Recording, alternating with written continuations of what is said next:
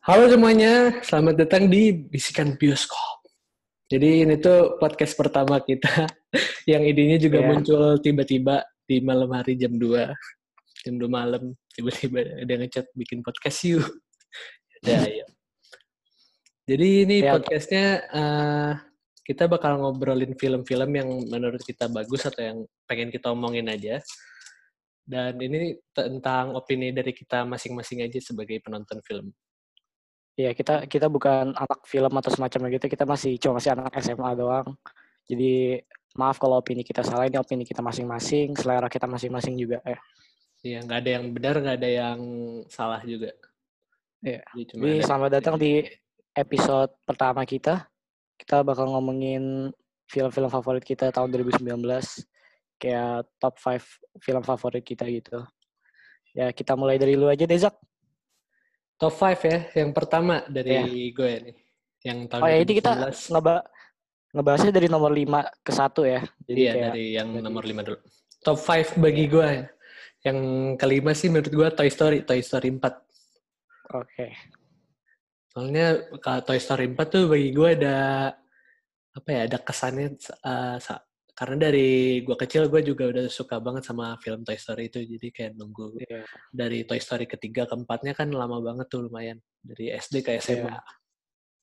Iya gila itu eh, pas gue nonton juga kayak dapat banget feels eh, masa kecil gue apalagi untuk anak-anak seumuran kita yang nggak sempet nonton Toy Story 1 sama 2 Oh iya, sih. zaman dulu banget ya kan kita baru nonton Toy Story 3 itu juga kita masih kecil kan dan pas gue nonton di bioskop yang keempat tuh gue dapet feelsnya rasa anak kecil gue tuh dapat banget. Apalagi pas baru pas openingnya doang tuh kayak apa ya dari pas lagunya. Iya, lagunya wah, udah khas banget kan. Iya, how far they've come gitu dari apa kayak mainan-mainnya udah detail banget, udah detail banget, bagus banget Toy Story 4 dan gak pernah mengecewakan gitu film-film Pixar juga itu tuh film-film yang bisa ditonton dari anak kecil sampai dewasa bahkan waktu nonton Toy Story 4 juga gue uh, banyak banget orang dewasa yang nonton gitu bukan anak kecil doang Soalnya mostly Bener, juga orang-orang yang udah gede karena anak kecil yang sekarang ada adik gue aja belum ngerti Toy Story yang satu Iya. duanya gitu. Jadi belum tahu Iya. ceritanya. Jadi ya Hmm, ceritanya tuh cerita-cerita film Pixar tuh nggak tahu kenapa mereka kreatif banget kalau buat eh, cerita mau mainan lah atau dari kayak up gitu-gitu atau dan lain-lainnya gitu bagus banget bisa bikin kita emotion kita sedih banget tuh out of nowhere gitu bagus banget lah Iya. dan endingnya juga gue ending suka itu banget wah Iya Toy Story 3 sama 4 Gue tuh endingnya wah iya parah banget men. Ini kita coba untuk gak spoiler kita coba sebisa mungkin untuk gak spoiler ya. Ya pokoknya di ending biar ada yang pisah, pisah gitu. Nah iya dan ini recommended buat untuk semua orang. Semua Tapi kalian umur. harus ya untuk semua umur, semua orang Eh, dan kalian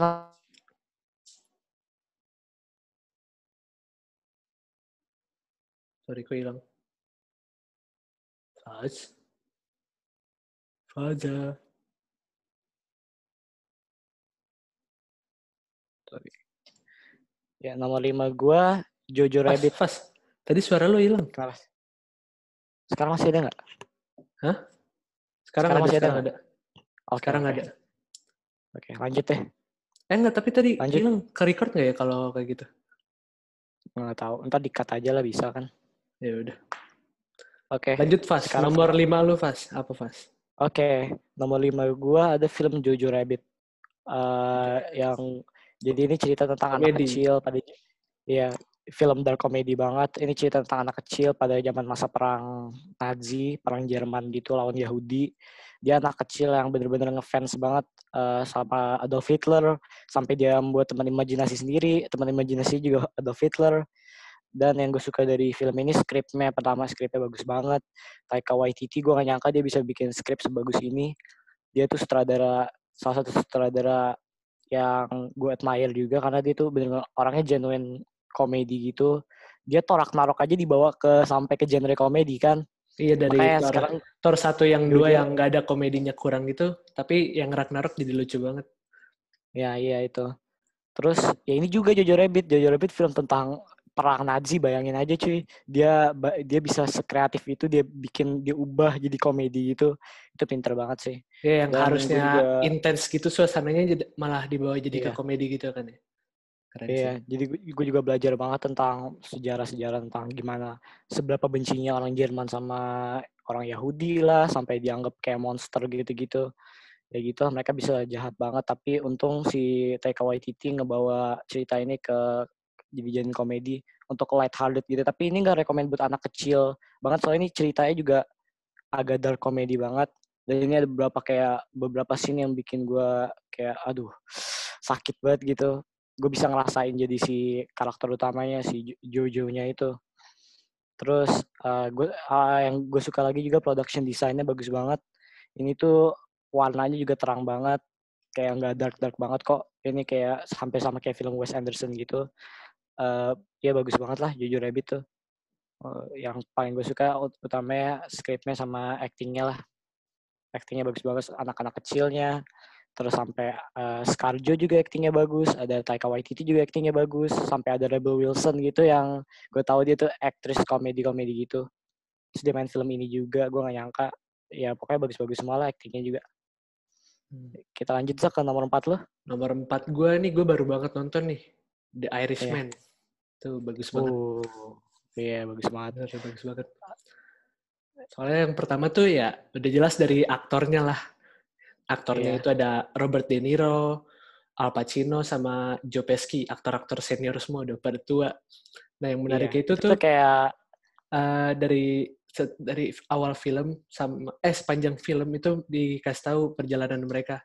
Terus mm -hmm. dari sinematografi juga bagus sama yeah. CGI-nya buat di aging itu wow banget sih gue nggak ngerti beneran bagus banget Iya, ada something different gitu tentang directionnya si Martin Scorsese yang kita yeah, suka banget. Juga. Kita berdua kita berdua suka banget sama sutradara ini. Dia sutradara salah satu sutradara senior, dia sutradara yang orang-orang pelajarin kalau masuk dunia film. Uh, dia bisa buat genre apa aja dan uh, kita nonton kalau kita nonton The Irishman ini genre klasik kayak dia lah ya. Iya. Semacam kayak Goodfellas gitu-gitu atau Casino yang lain-lain yang gue suka banget uh, Irishman tuh dia ngebuat dia buat skripnya yang panjang banget gue yakin panjang banget. Ini filmnya aja tiga jam, jam ya. iya ya, filmnya tiga jam. Dan uh, dia tuh dia tuh Martin Scorsese itu kalau gue lihat filmnya dia kayak jarang-jarang pakai CGI gitu. Terus di film ini dia pakai di aging kan untuk kayak di agingnya benar-benar bagus banget.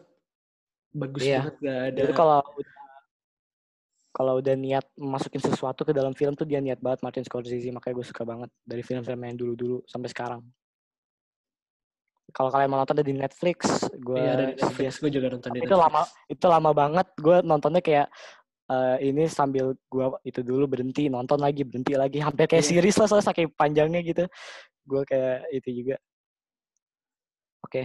lanjut fast nomor 4 lo fast Nomor 4 gue ada film baru keluar kayak Desember 2019 judulnya Little Women.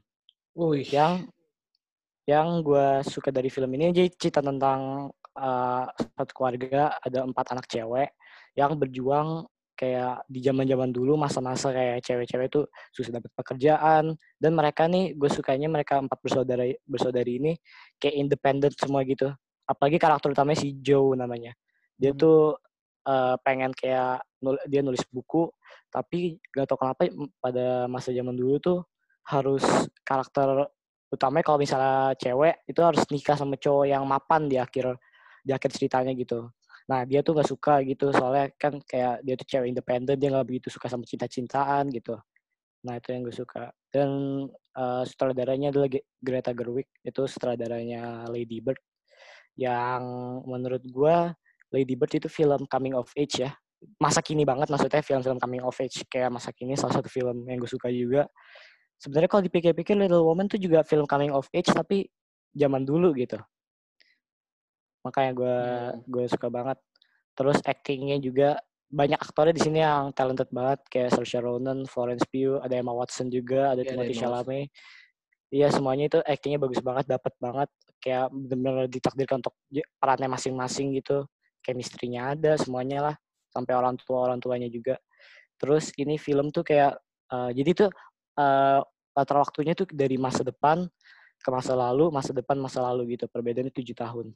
Dan uh, ini kalau lu semua mau nonton, ini uh, kayak dijelasinnya tuh, yang gue jelasin nih Little Woman, kalau misalnya lu uh, ngelihat suasana yang terang, hangat gitu, warna kuning atau bright gitu, itu tuh berarti kita lagi di masa lalu gitu.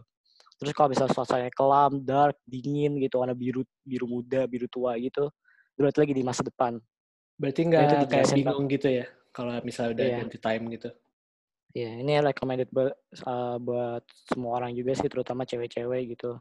Dan ini pasti kayak relate banget sama cewek-cewek kuliah, gue yakin yang susah mencari pekerjaan lah dan untung kita hidup di zaman sekarang tuh yang udah kayak udah maksudnya aman lah gak kayak zaman dulu gitu iya. sekarang udah iya cewek-cewek bisa independen ya. pinter-pinter ya. semua iya ada itu aja nomor empat gue dan ini film juga gampang dicerna kok. Lu nonton dari awal sampai akhir juga pasti ngerti kok semua orang.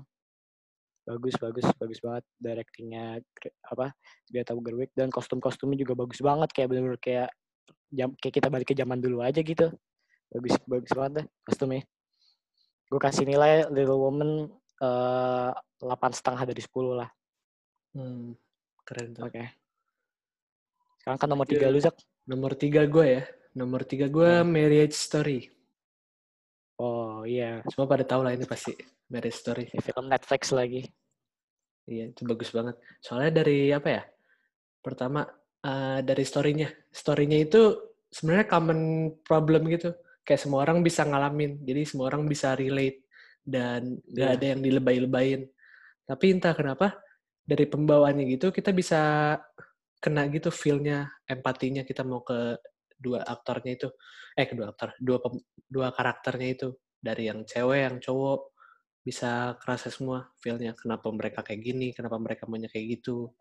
Dan iya banyak deh bagus banget ya ini tentang suami istri yang uh, mereka pengen cerai gitu terus ya kalian tonton aja sampai endingnya mereka akhirnya cerai atau enggak yang gue dapat dari film ini tuh kita bisa ngerasa jadi kayak anaknya banget iya gimana orang tuanya bisa jadi nggak tahu juga kita mau berpihak ke mananya gitu. Hmm, nah iya gitu.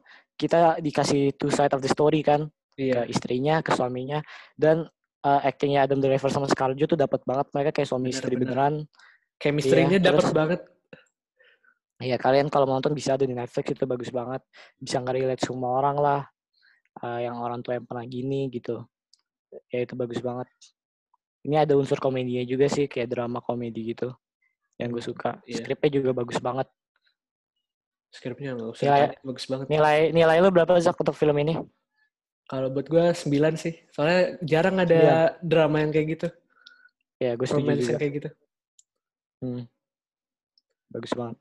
Dari sisi sinematografi juga apa ya unik gitu oh, beda iya, sendiri. Iya. Kayak film iya, iya. Kayak... lama tapi bagus. Nah iya itu yang gue suka itu latarnya juga bagus banget. Iya. Uh, perjuangan ya perjuangan dapat pengacara lah terus apalah susah gitu perceraian itu bukan sesuatu yang gampang. Iya, kalau kalian lihat dari posternya juga mereka tuh kayak happy family gitu ya. Terus gue kayak Iya, posternya happy family. Waduh, padahal iya, aslinya kayak, Iya makanya as aslinya chaos gitu lah. Namanya aja marriage story gitu. Gue kira ini kayak tentang itulah. Kalau marriage itu bukan something easy gitu. Ternyata hmm, iya, iya. marriage itu harus sesuatu yang kita bisa struggle juga dan gak gampang. Tanggung jawab, apalagi kalau udah punya anak gitu. Kan soalnya ceritanya nah, udah iya. punya anak. Nah, iya. Lanjut Fas, nomor tiga lu apa Fas? Nomor tiga gue, uh, ada film horror judulnya The Lighthouse. Uish, yang tahu nih. Gak tak nggak tayang di Indonesia. Iya. Jadi banyak dari film ini yang gue contohnya cuma satu kayaknya di tayang di Indonesia. Eh dua kayaknya. Uh, The Lighthouse tuh film horor yang bercerita tentang dua penjaga mercusuar gitu. Uh, gimana uh, mereka cuma berdua doang di situ di pulau kayak stranded pulau gitulah. Yang gue suka dari film ini pertama skripnya bagus banget, parah. Ini tuh sebenarnya kayak minim dialog gitulah ya, nggak begitu banyak dialognya, tapi sekalinya ada tuh bagus kayak tujuh menit pertama tuh gak ada dialog sama sekali. Tapi tetap bagus kan ya, tujuh menit pertama. Iya, tujuh menit pertama cuma kayak ngeliatin latarnya gimana sih The Lighthouse tuh gimana gitu, apa misterinya dalam film ini. Terus uh, ini filmnya hitam putih, uh, eh, BMW gitu, yang latar waktunya tuh tahun 8, 1890. Uh, terus uh, aspek ratio-nya 1,19 banding 1 yang interesting banget tuh jadi filmnya kotak gitu. Uh, gue juga awalnya gue kira ini bukan kayak film horor gitu ternyata ini film horor. Uh, pas gue nonton trailernya gue jadi penasaran tentang apa sih.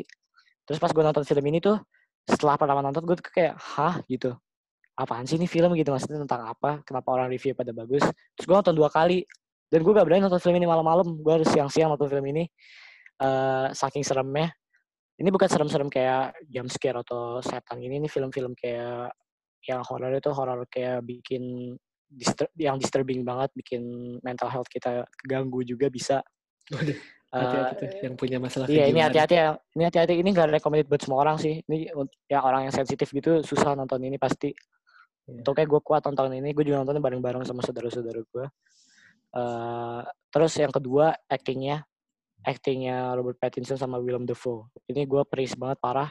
Dan gue gak tau kenapa Oscar gak ngeberi mereka namanya si best actor gitu atau best supporting actor lah at least gitu. Mereka gak dapet sama sekali. Kenapa gitu? Untuk film-film indie kayak gini tuh kenapa gak kurang appreciated banget aktor-aktornya sama Oscar? Gue bingung. Uh, pertama Willem Dafoe, kita semua tahu Willem Dafoe tuh aktor senior Keren. yang actingnya keren banget emang. Iya. Actingnya bagus banget. Gue nonton Spider-Man juga ada dia. Iya, yeah, gue nonton dari kecil dia dari Spider-Man, terus ada film kemarin film judulnya At Eternity, At Eternity's Gate apa judulnya? Dia jadi Vincent Van Gogh gitu. Itu actingnya bagus banget. Jadi gue udah tahu oh, iya, di Lighthouse pasti pasti dia actingnya bagus banget. Uh, terus kedua Robert Pattinson, ini yang gue gak nyangka dia actingnya bisa sebagus ini. Dia acting range-nya bagi gue naik ke next level di film ini, nggak tahu kenapa. Karena gue jarang nonton filmnya dia ya. Terus pas gue nonton film ini, wah parah men ini film tuh emang dia cocok untuk film-film ginian ternyata uh, terus gue setelah nonton dua kali juga film ini gue kayak masih gak masuk akal gitu ah kenapa sih film ini kenapa kayak gitu terus uh, to the point gue harus nyari ke YouTube sama Google gitu ini apa sih maksudnya gitu ternyata ini uh, terinspirasi dari mitologi Yunani namanya Proteus sama sama satu lagi gue lupa apa sama lukisan-lukisan gitu makanya interesting banget Oh, jadi ada kayak mitosnya sama background story-nya gitu ya? Nah, iya gitu. Gila ini film parah banget, rekomend buat semua orang. Dan ini uh, sinematografi bagus banget, kayak gue bilang hitam putih warnanya BMW gitu. Terus kotak, aspek ratio 1,19 banding 1. Uh, terus dia bagus banget gitu, hitam putih tapi kayak kerasa. Biasanya kan kalau hitam putih kan tuh tahu ya kalau di foto tuh kayak uh, hitam baju baju misalnya baju gue hitam baju lu hitam tuh kayak nyatu gitu. Ini enggak gitu bagusnya. Dia pasti syutingnya pakai kamera-kamera lama gitu. Bagus banget. Sutradara Robert Eggers dia uh, pernah sutradarain film The Witch yang film horror juga. Yang gue suka tentang film-film horror A24 A24 itu studio indie gitu. Dia suka buat film horror kayak Hereditary, Midsommar, The nah, Witch sama sekarang The Light The Lighthouse. Film-filmnya emang horornya beda gitu ya kayak lebih. Iya, bukan horor bukan horor-horor gitu. kayak bukan. Iya bukan horor-horor kayak jump, jump scare gitu ya beda ya itu enggak ini horor-horor disturbing gitu. Kayak contohnya Midsommar gitu lah yang banyak orang udah nonton. Wah itu. Nah The Lighthouse tuh juga gitu. Ya kesimpulan gue film ini kurang dihargain sama award award award gitu. Padahal skripnya ada bagus sutradaranya bagus actingnya juga bagus uh, dan gue kasih nilai film ini 9,5 lah dari 10 tapi kalau menurut gue sih kalau kurang dapat kayak gini soalnya wajar sih soalnya nggak semua orang juga yang bisa nonton film ini gitu. Nggak semua orang yeah, yeah.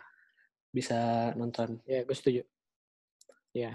ini juga nggak rilis di Indonesia. Ya udah pasti karena ini terlalu disturbing banget yeah. dan aneh banget tiba-tiba kayak ada gurita lah, terus kayak ada burung matanya satu gitu gitulah. Ada ada ganutnya juga gitu. Tapi itu mencerminkan kayak lukisan-lukisan uh, mitos Yunani juga ternyata yang bagus banget. Nah ya itu sebenarnya The Lighthouse. Nomor tiga okay. gue The Lighthouse. Sekarang ke nomor tiga, eh nomor dua lu Zak. Nomor dua ya? Nomor dua gue nih yeah. semua orang nonton nih pasti nih. Common film banget sih. Joker. Yeah. Joker oh, bagus banget. Yeah. Itu pertama kali gue nonton, gue tuh gak mau nonton sama orang-orang, pengen nonton sendiri gitu. Soalnya kan kata orang-orang, uh, filmnya deep banget, emosional banget dan yeah, emang yeah. bener emang seemosional itu dan sedip itu. Uh, gue nonton sendirian kayak menghayatinya, jadinya feelnya dapat banget. Dan ini tuh Joker uh, kayak single film yang berdiri sendiri gitu, bukan masuk ke DC bukan masuk dari komik. Padahal harusnya kan Iya. itu based on komik dan harusnya genrenya fantasi. Nah, yang menariknya film Joker ini nggak ada fantasi-fantasinya sama sekali bagi gue. Soalnya ini menurut gue bisa kejadian sama siapa aja yang ada di dunia ini. Gitu. Iya. Iya. Dapat banyak pelajaran juga dari film ini. Kita tuh nggak boleh sembarangan sama orang. Iya. Kita harus treat people uh, with kindness gitu lah ya dibilangnya. Uh, nggak boleh jalan-jalan Asal sama orang yang punya ya yang punya mental health karena bisa sebahaya apa mereka. Dan gue suka directingnya Todd Phillips. Dia Ini uh, menarik banget. ngubah ya menarik banget. Joker nih uh, film comic book yang bukan diambil dari comic book. Jadi ini benar-benar skripnya dia sendiri. Dia sendiri yang ngebuat kayak Arthur Fleck gitu. Arthur Fleck nggak ada di komik dia dia benar-benar Iya. ngebuat sendiri karakter ini. Dan uh, gue butuh perjuangan nonton di bioskop juga. Untung untungnya gue nonton dua kali. Yang pertama nggak begitu itu. Nggak begitu itu nggak begitu susah banget masuknya. Yang kedua agak ditanya KTP lah. Untung gue nonton sama orang tua gue juga Gue nonton Uh, sendiri lolos sih gue udah jenggot soalnya. Jadi alhamdulillah bisa. Terus uh, Joker tadi gue mau masukin list gue no- nomor 5 gitu lah. Tapi enggak soalnya ini ternyata gue lihat terinspirasi dari film judulnya Taxi Driver. Itu tuh uh, iya Jadi Taxi kayak Driver gue nonton juga. gitu ya. Iya, it- itu filmnya Martin Scorsese emang mirip banget sih, cuma Joker emang kayak lebih uh, Joker karena ini Joker karakter ikonik gitu. Siapa yang Iya, nggak tahu karakter Joker? Iya, ini bagus banget lah filmnya. Dan underappreciated juga sih sebenarnya. Banyak yang ini film pro kontra sih banyak yang ada yang bilang ah, nggak bagus, ada yang bilang bagus. Ini ter- tergantung selera masing-masing sih. Iya, dan Terus untuk orang tua, orang tua orang tua untuk kalau mau nonton film ini tuh please lu nonton trailernya dulu lah seenggaknya. ya Eh, kalau bisa ini jangan bawa anak kecil lah ya. Iya, ini tuh bukan film DC kayak DC superhero gitu juga. Iya. Eh, ini ngebuat waktu itu di Indonesia jadi banyak film kayak yang kayak tadi gue bilang The Lighthouse terus kayak Jojo Rabbit gitu nggak tayang di Indonesia tuh gara-gara ini contohnya. Lu tuh kalau mau eh, kayak masukin apa mau nonton film tuh lihat trailernya dulu dan lihat ini dulu dia dewasa, iya dewasa atau 17 plus gitu. Masalah kita juga nonton nih. Kita belum Iya, makanya. Iya. Aduh. Ya itu ya karena kita emang itu banget. kita kayak eh, gimana? iya udah kayak itu banget, udah penasaran banget tentang apa sih ini Joker gitu. Dan iya bagus banget hasilnya. Eh, actingnya parah sih Joaquin Phoenix. Joaquin kita nggak Phoenix. bisa ngeragukan. Di ke plus Iya, for you. Ngera- keren bisa ngeragu ngeraguin dia lagi. Kita tahu dia actingnya sebagus apa kayak di film Her The Master gitu. Dia itu actingnya bagus banget sampai the point dia menang dia nge-sweep semua aktor di best actor dari Golden Globes ke Oscar gitu-gitu. Iya, Ya, iya. bagus lah. Totally deserving. Terus endingnya juga menurut gue tuh apa ya? Berseni ini banget kontroversi. endingnya. Iya, ini kontroversi semua orang. Ya kontroversi Dan banget. endingnya, endingnya bener-bener kayak hampir 11-12 banget sama Taxi Driver. Jadi ini tuh Oh. endingnya kayak gue gak mau gue gak mau kasih tahu ya endingnya tuh kayak ya gitulah. Kita nggak tahu apa yang terjadi Iya. sebenarnya gitu. Iya. Gue liat di YouTube banyak teori-teori juga di Taxi Driver sama Joker tuh apa yang terjadi sebenarnya. Ya gue enjoy aja filmnya ini gampang cukup gampang dimengerti juga untuk semua orang. Ya recommended Dan juga lah. Dan nggak perlu buat ngerti DC, Batman, dan Superman Iya, yang iya. lain-lain gitu untuk buat nonton ini. Ini emang film-film solo tapi bener-bener kayak ya bu- ini bukan kayak film comic book gini ini tentang orang dari eh, yang punya mental health eh, drive to craziness gitu lah Iya. Jadi kegilaan gitu nah itu makanya gue suka banget Dah, lanjut Fas. Nomor dua lu Fas. oke nomor dua gue eh, ini cukup common juga bagi semua orang pemenang best picture tahu tahun ini judulnya Parasite Oh, Ini tahu. jadi film Korea Selatan gitu. Iya. Gue jarang ya interested sama film Korea gitu. Terus pas gue nonton film ini, wah gila cuy ini masterpiece parah filmnya. Gue admire banget sutradaranya namanya Bong Joon Ho. Yang filmnya sebenarnya bagus-bagus juga yang dulu-dulu. Dia kayak Snowpiercer gitu-gitu. Nah Parasite ini bercerita tentang eh, keluarga miskin yang pengangguran gitu. Dia kayak pengen eh, apply a job gitu ke orang kaya. Tapi dia punya caranya masing-masing sendiri dia punya udah punya strateginya sendiri dan ada plot twistnya juga di film ini yang gue gak nyangka banget ini nih gue rekomend buat semua orang yang mau nonton film ini tuh lo mending terserah sih ya gue sih gak gue gak nonton trailernya gak baca sinopsis apa apa bener-bener ini film yang kayak lu duduk di sofa TV lu nggak tahu nonton film apa terus ada film ini terus pas lu nonton tuh itu rasanya dapet banget rasa kayak eh, nggak nyangkanya banget tuh dapet banget. Waktu itu nonton sama temen gue sih di sekolah. Gue juga nggak nyangka banget bisa sebagus ini filmnya. Uh, yang gue admire pertama skripnya bagus banget parah. Yang Bong Joon-ho nulis ya, bagus banget terus production desainnya bagus banget setnya bagus banget. Ini rumahnya kayak bener-bener jadi gini rumah orang miskin tuh kayak dia tuh harus turun dulu. Itu untuk masuk ke rumahnya dia tuh harus turun dulu ngerti gak sih? Kayak yeah, yeah. di iya. basement gitu. Sampai kalau mereka kebanjiran tuh bener-bener sampai kayak ke dada gitu. Saya saking saking bawahnya. Terus uh, rumah orang kaya tuh harus naik tangga banget. Lu ngerti gak sih maksud gue sekarang? Itu yeah, orang miskin harus turun tangga yang orang kaya harus naik tangga rumahnya. Itu tuh udah mencerminkan banget gimana mereka kesenjangan sosialnya ada juga iya iya. banget. ya ini sosial commentary banget filmnya. Apa kayak film-film Bong Joon Ho lainnya juga gitu ternyata uh, ya bagus banget lah rekomend buat semua orang. Ini tentang film keluarga yang tadinya agak ada sprinkle komedi gitulah komedi dikit sih nggak begitu banyak.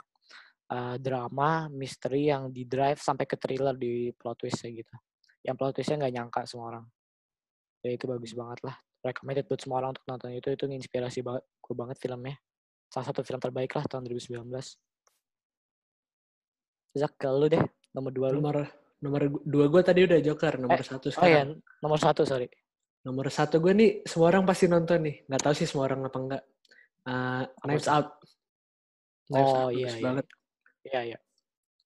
Knives Out bagus banget. Itu mulai dari ceritanya sih yang pertama sih cerita sama twistnya itu bener-bener unexpected walaupun sebenarnya kalau dipikir-pikir lagi nih lo abis selesai nonton lu pasti nebak hmm. gitu siapa yang ngelakuin siapa yang jahatnya tapi setelah nah.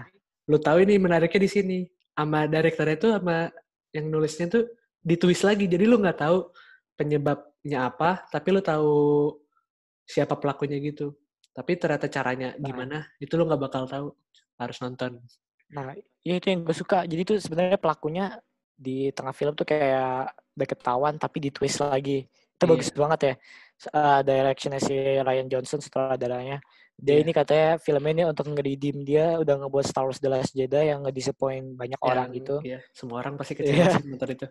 Iya, banyak yang kecewa. Gue sih sebenarnya biasa aja sih. Terus uh, terus dia ngebuat film ini ternyata emang dia cocoknya tuh di genre-genre kayak gini, genre kayak uh, murder mystery gitulah. Kalau bisa dibilang tentang uh, keluarga juga. Dia dia direct directionnya bagus banget ya. Dia bisa kayak ngeblocking kan orangnya rame banget ya. Aktornya yeah. rame, rame banget. Rame banget. Satu keluarga. Gue bingung dia bisa blockingnya bagus banget ya. Kayak bener ada semua orang di satu shot gitu. Apalagi pas ngumpul-ngumpul itu kan yang satu ruangan lagi ini. Nah iya itu. Keren sih. Terus ada banyak ya production desainnya juga bagus, actingnya juga nggak usah ditanya lah. Ada Daniel Craig, ada Anya De Armas juga. Dia dia aktor cewek yang gue admire juga. Ternyata dia bagus juga actingnya pas gue di film ini endingnya juga bagus banget kok endingnya endingnya emang bagus banget nggak kalau nggak iya. bagus nggak ini sih nggak cocok buat iya. jadi misteri gitu ah iya terus pas dia angkat gelasnya itu itu itu, iya, itu kayak bener-bener gue ngerasa lega banget ya itu salah satu favorit juga gue juga sih oke okay. lanjut fast nomor terus, satu lu fast oh langsung ke nomor satu gue oke okay. oh nomor oh, satu mau bahas apa lagi Oh iya, kita belum bahas honorable mentions kita dulu. Oke, okay, honorable mentions. Okay. Lu dulu, Fas. Oke, okay. okay. uh, untuk gue ada beberapa ya. Kayak tadi kita udah bahas Joker, Marriage Story gitu-gitu. Uh, gue ada pertama film judulnya 1917. Ini oh. sebenarnya keluar 2019, tapi di Indonesia keluar 2020. Gue nonton dari waktu itu Januari. Dan ini gue bersusah payah gue harus ke CGV untuk nonton ini. Soalnya di XX1 nggak ada, nggak tahu kenapa. Gue nggak tahu kenapa sama sinema Indonesia kenapa gini. Terus uh, ternyata dimasukin ke CGV terus gue nonton ya ini bagus banget. Uh, jadi ini tuh film dua tentara di, dikasih tugas untuk menyeberang ke wilayah musuh juga kalau nggak salah untuk kirim surat gitu. Uh, terus ini jadi kayak filmnya tuh disutradarain sama Sam Mendes gitu dia sutradarainnya kayak filmnya tuh bener-bener kayak ngikutin orangnya jadi nggak dekat gitu Oh. Dia nge-roll filmnya nggak ada cut gitu. Terus kayak jadi kita dari awal nih ngikutin. Kalau gue lihat-lihat ini film cuma punya berapa cut ya? Yang ketahuan sama gue gitu cuma satu apa? Gila gak sih? Belum nonton. Jadi gue kita kita ngikutin. Ya ini recommended banget untuk untuk Luzak sama untuk semua orang. Kita tuh kameranya tuh ngikutin. Ngikutin karakter utamanya dari awal sampai akhir. Jadi ngikutin gak ada cut tuh kita ngikutin doang tuh. Jadi kita kayak berasa di medan perang juga. Bagus banget lah ini. Terus ada ada kayak Midsummer juga lumayan bagus kok. Uh, ini Oh ya, tapi ini enggak. Midsummer juga masuk ke honorable mention gue itu. Iya, ini film uh, disturbing banget, nggak rekomend buat semua orang. Gue awalnya, sumpah gue awalnya ngira ini film tentang festival gitu doang. Terus pas gue pas gue nonton trailernya, directed by Ari Aster. Wah, Ari Aster nih. Gue inget dia setelah dari Hereditary gitu. Ya, pasti Aduh, disturbing terus- beda gitu ya. Perasaan gue gak enak. Eh bener. Ternyata ini Terus- film horor gitu. Jarang juga horor yang vibes-nya itu terang putih gitu semuanya. Nah, Indah. ya ini, ya ini, ini eh, kayak fest, tentang festival gitu, tapi cult, cult, cult gitu ya, kayak Iya. sekte-sekte cult gitu, yang di Swedia. Gue nggak tahu, semoga ini nggak ada di dunia nyata kayak gini. serem, ini seram terus. banget kalau ada. Jadi mereka dikasih kayak apa sih mereka kayak liburan gitu atau tugas sih gue lupa dah. Tugas kuliah kalau nggak salah. Ya tugas kuliah gitu ya ke Swedia gitu. Dan ka- pemeran utamanya Florence Pugh yang da- ada di Little Woman juga dia uh, aktor kayak aktris baru gitu. Uh, ternyata dia jago banget aktingnya parah. Terus yang gua ada kayak sedikit yang janggal tuh ceritanya sih ceritanya kenapa arahnya ke situ. Tapi gue tetap suka ya. Uh, kayak kenapa dia uh, awa- awalnya main gitu, terus tiba-tiba jadi May Queen. Ya kan? Eh, Ini sorry spoiler ya. Jadi jadi kayak ratunya gitu Eh, terus cowoknya karena ada keseturuan dia cowoknya di paralyze terus di kayak di, dibakar gitu akhir-akhirnya cuma gara-gara itu jadi sebenarnya tuh sektenya tuh emang bener-bener nyembah ratunya tuh bukan main-main ya kalau misalnya bikin ratunya kesel tuh bener-bener dibunuh gitu orangnya terus aturannya Nah, ini sebenarnya kayak tradisi salah satu apa ya village gitu kan. Udah Hmm. udah lama sebenarnya. Cuman mereka Iya. datang tiba-tiba di saat yang salah. di saat yang salah banget ya. Siapa pun yang mau datang ke situ di saat mana pun juga salah sih Zak sebenarnya. Gak, gak ada kayak tetap aja ujung-ujungnya juga gitu pasti join itu. Itu aneh aneh banget filmnya. Gak rekomend buat semua orang. Tapi Iya. kalau lu mau nonton silahkan. Soalnya gue Ada jarang personally pulang-pulang enek banget itu juga nonton di sekolah karena teman-teman gue pas mau makan. Aduh, Iya gue juga. enek banget. Iya. Iya itu parah. Untuk dari Heredi- Hereditary lebih disturbing Midsummer. Iya jauh-jauh. Ya gitu lah. Ya, Apalagi pas honorable mention lo. Oh iya, honorable mention gue apalagi ya? Ada Wave sih sebenarnya. Ini gue gak mau ngasih tau banyak-banyak. Lo lo harus nonton sendiri aja ini film coming of age gitu. Eh, tentang keluarga juga. Ya bagus banget lah. Lo pada nonton aja Waves judulnya. Gue gak mesti tau banyak-banyak. Sama satu lagi ada Once Upon a Time in Hollywood. Nah itu juga termasuk gue tuh honorable mention gue. Nah, nah ya gue inget uh, Once Upon a Time in Hollywood. Gue gua nggak itu ya gue emang waktu itu sampai maksa temen gue untuk nonton ini bareng gue eh, sampai ngajak teman-teman gue eh karena ya emang ini filmnya Quentin Tarantino gitu. Udah khas kita harus nonton. Quentin Tarantino-nya Iya, gitu. Gue harus gue harus nonton ini apalagi udah di bioskop waktu itu. Ya, gue harus nonton walaupun 17 plus gitu. Tapi ceritanya make sense kok. Tentang dia jarang-jarang buat film kayak gini. Emang filmnya sebe- sebenarnya dia itu kayak beda-beda gitu Hmm. cerita ceritanya film itu Tarantino gitu uh, gak tau kenapa film-film Quentin tuh selalu ada kayak special place in my heart gitu di, di hati gue yang gue cinta yang gue cinta banget sama setiap filmnya dia kayak mulai dari Kill Bill atau Pulp Fiction, Fiction itu the Yang- best. iya yang uh, kalau menurut gue gue paling suka Inglourious Basterds itu paling gue cinta atau Hateful Eight, Django Unchained gitu-gitu.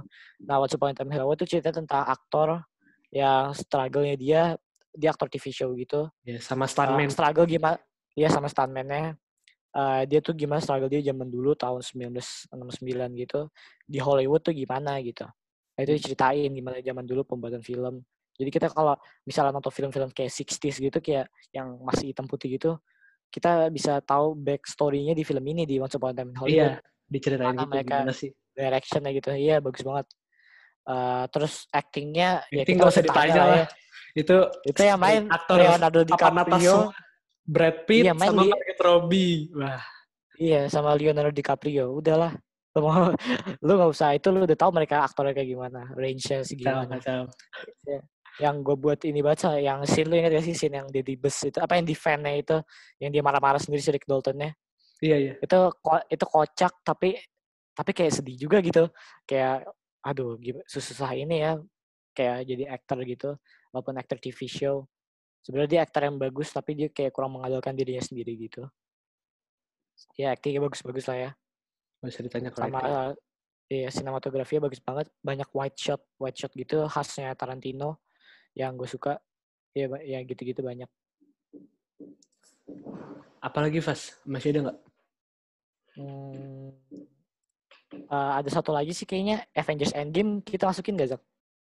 Avengers Endgame bukan honorable mention sih, itu emang bagus banget. Cuman kalau menurut gue ya, Avengers Endgame tuh eh, nggak bisa dinilai sama atau dibandingin sama film-film yang kayak gitu, soalnya punya universe filmnya sendiri gitu. Jadi Nah ya gue setuju banget. aneh sih kalau dibandingin sama itu.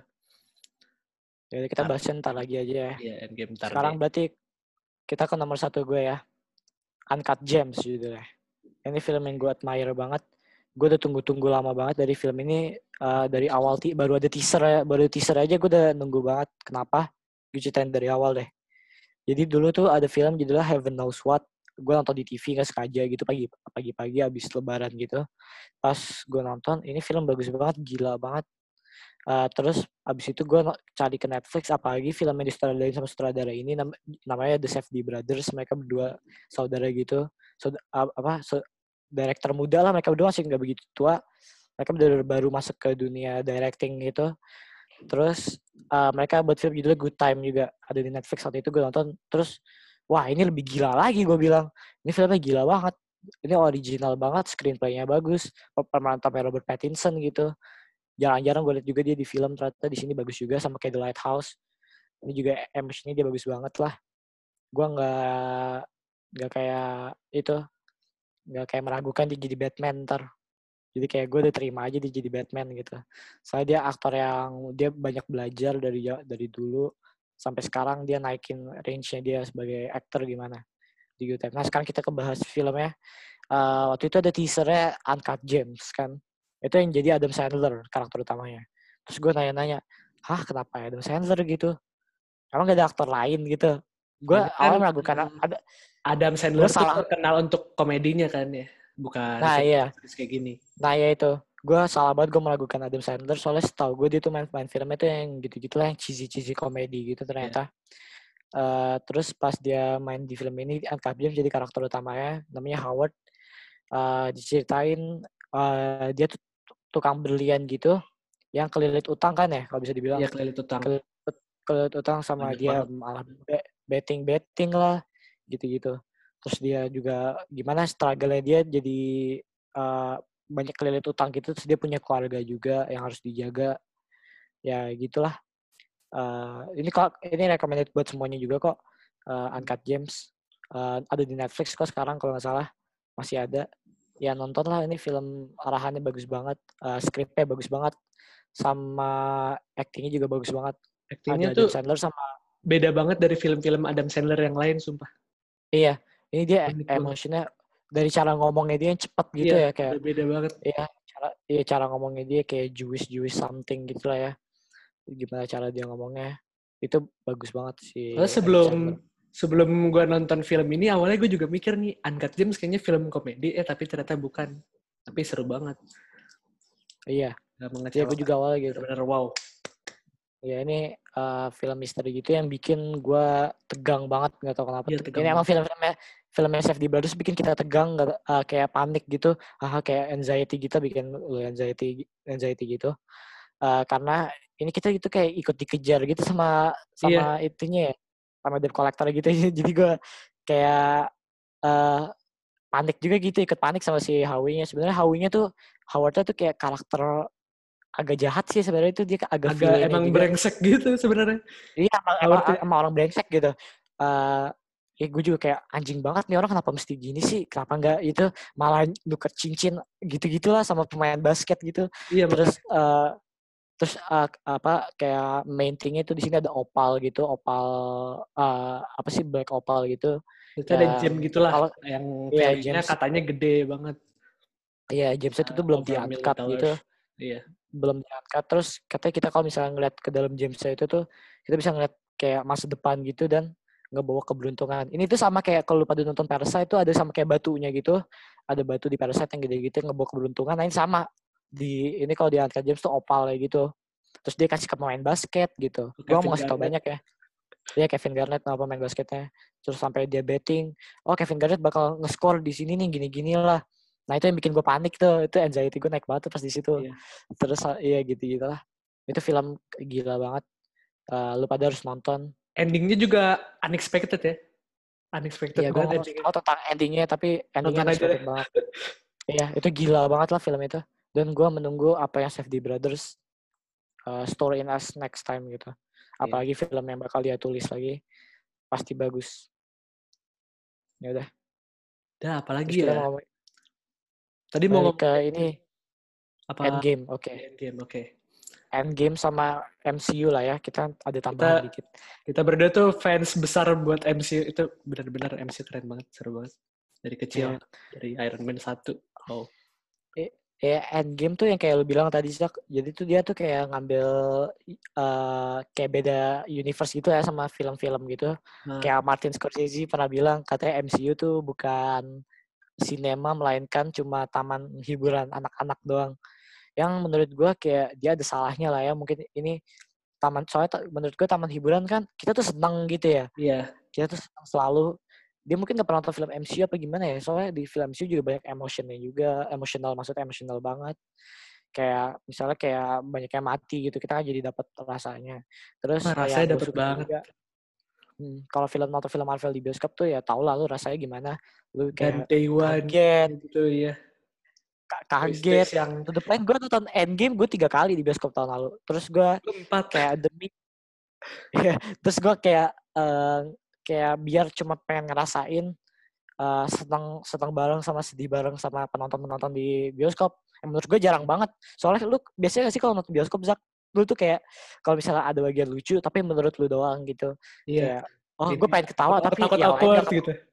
Iya, terus ada bagiannya kayak, oh lu gue ngerti banget nih karena gue udah nonton film sebelumnya, tapi yang lain kayak kayak kayak diem aja, kayak gitu. Ta- tapi kalau untuk film-film Marvel tuh kita udah tahu semua. Terus, lagi ada Apa ya? Endgame ini kan sebenarnya kayak lebih ke celebration sama closure gitu ya buat MCU yang udah empat phase. Nah, Iya. makanya banyak juga dari fans-fans yang udah excited banget, yang hype banget, udah banyak yang Oh, bikin iya. teori, yang harapannya gede banget. Jadi misalnya ntar kita di bioskop dan kita nonton day one, day two, day three itu masih original yang nonton fans-fansnya MCU itu. Soalnya masih yang ngebela-bela. Iya, iya, iya. Iya, justru karena itu makanya gue waktu itu ngebet banget pengen nonton itu abis kita UN tuh langsung, Iya, dan langsung. Dan ke- tahun kemarin tuh tepat banget pas Endgame keluar kita selesai UN kan. Nah, Jadi iya itu itu banget sih. relief banget. Gue sampai dari waktu itu dari hari apa kita hari Kamis, gue Kamis Jumat Sabtu itu langsung tiga hari gue Asli nonton. iya kan. Gue kamisnya nonton Iya, sama temen-temen gue. kayak. Gue nonton sama lu. Itu emang seru banget sih. Iya, iya sama terus hari Sabtu ya bareng keluarga. Ya gue demi ngerasain uh, experience cinema kayak gitu aja sih gue maksudnya uh, gue pengen ngerasain sama penonton gitu. Iya. Uh, Soalnya pas biasanya kalau kita nonton film-film yang kayak gini tuh eh, apa ya reaksi fansnya tuh reaksi penontonnya tuh sama semua biasanya misalnya kayak kita teriak pada teriak nah semua iya itu maksud gue. ketawa nah, ketawa itu maksud semua gua tadi. nangis nangis semua Nah, iya gitu. makanya. Nah ya itu itu aduh itu experience yang jarang-jarang makanya gue nggak sabar uh, film-film MCU selanjutnya lah gue harus nonton kayak hari-hari pertama gitu demi ngerasain bareng bareng kayak uh, teat satu teater gitu lah ya. Iya, dan memori gue pas nonton ini juga nontonnya sama siapa gitu kan ada banget sih. Jadi ya, Endgame tuh highlighted dari 2019 lah ya. highlight. Highlighted dari 2019 Highlight banget ya. Dan ini kesimpulan kita buat podcast ini 2019 tuh tahun yang bagi gue salah satu tahun paling spesial buat film karena filmnya bener-bener bagus banget. Banyak banget yang Uh, banyak banget yang bagus gitu. Ya. Lo ada yang mau sampaikan lagi, Zak? apa ya? Udah sih gue itu aja.